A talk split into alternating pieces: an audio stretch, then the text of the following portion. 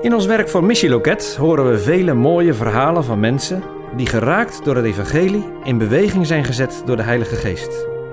Met Pinksteren willen we zeven van deze verhalen graag met je delen. Wie weet worden daarmee nieuwe vuurtjes aangestoken.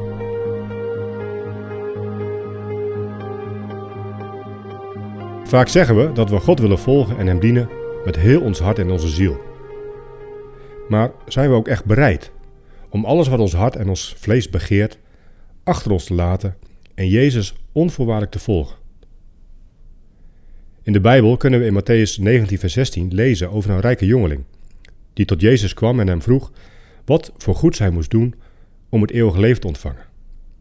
En in vers 21 lees je het antwoord van Jezus. Als je volmaakt wilt zijn, ga dan naar huis, verkoop alles wat je bezit en geef de opbrengst aan de armen.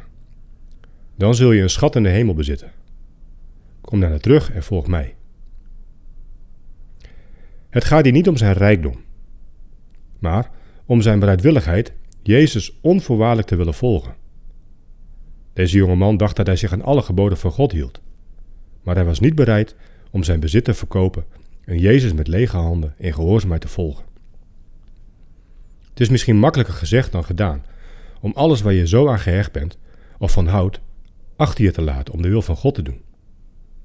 Maar het is niet onmogelijk. Jaren geleden, voordat ik een voorganger was, stond ik met mijn gezin voor de keuze om te gaan remigreren naar Curaçao. Zon, zee en een goed betaalde baan met een luxe leven het vooruitzicht. Alles leek zo mooi en perfect en door God gegeven. Maar was het ook echt zo? Mijn vrouw en ik baden om Gods zegen, maar we namen niet echt de tijd om naar God te luisteren. Dat is een valkuil voor velen van ons. Bidden, maar niet wachten op Gods antwoord. Maar God is de verhoorder van al onze gebeden. Terwijl wij in gedachten al verhuisd waren en al waren begonnen met inpakken, ontslag van ons werk hadden genomen en een enkele reis zonder annuleringsverzekering hadden geboekt, was God al lang aan het antwoorden. Je vraagt je misschien af hoe hij dat deed? Dit deed hij door de mond van onze ongelovige collega's en bekenden om ons heen. Telkens kregen wij de vraag: En de kerk dan? Dit begrepen we niet, want we waren tenslotte geen voorgangers. Maar God wilde door hen zijn plan aan ons laten zien. Met harde hand moesten we de liefdevolle tuchtiging van God ervaren. Dit was helaas nodig om ons stil te laten staan en te begrijpen dat Hij al die tijd al aan het spreken was. En dat Hij ons hier in Nederland wilde gebruiken, niet op Curaçao. Het verhuizen naar Curaçao was een schat in ons hart geworden, die wij aan God moesten overgeven, om Gods volmaakte wil te volgen.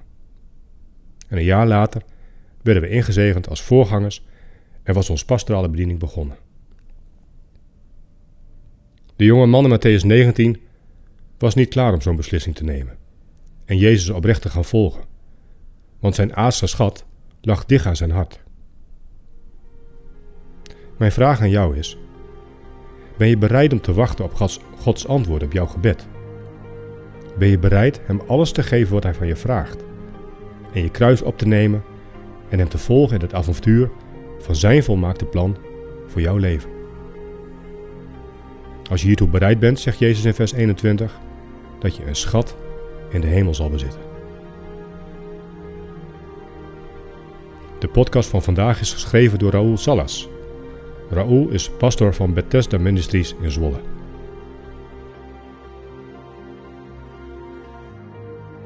Deze Pinkster-podcast is een initiatief van het Missieloket. Een samenwerking van Verre Naasten, Missiefonds en Kerkpunt. Meer informatie vind je op missieloket.nl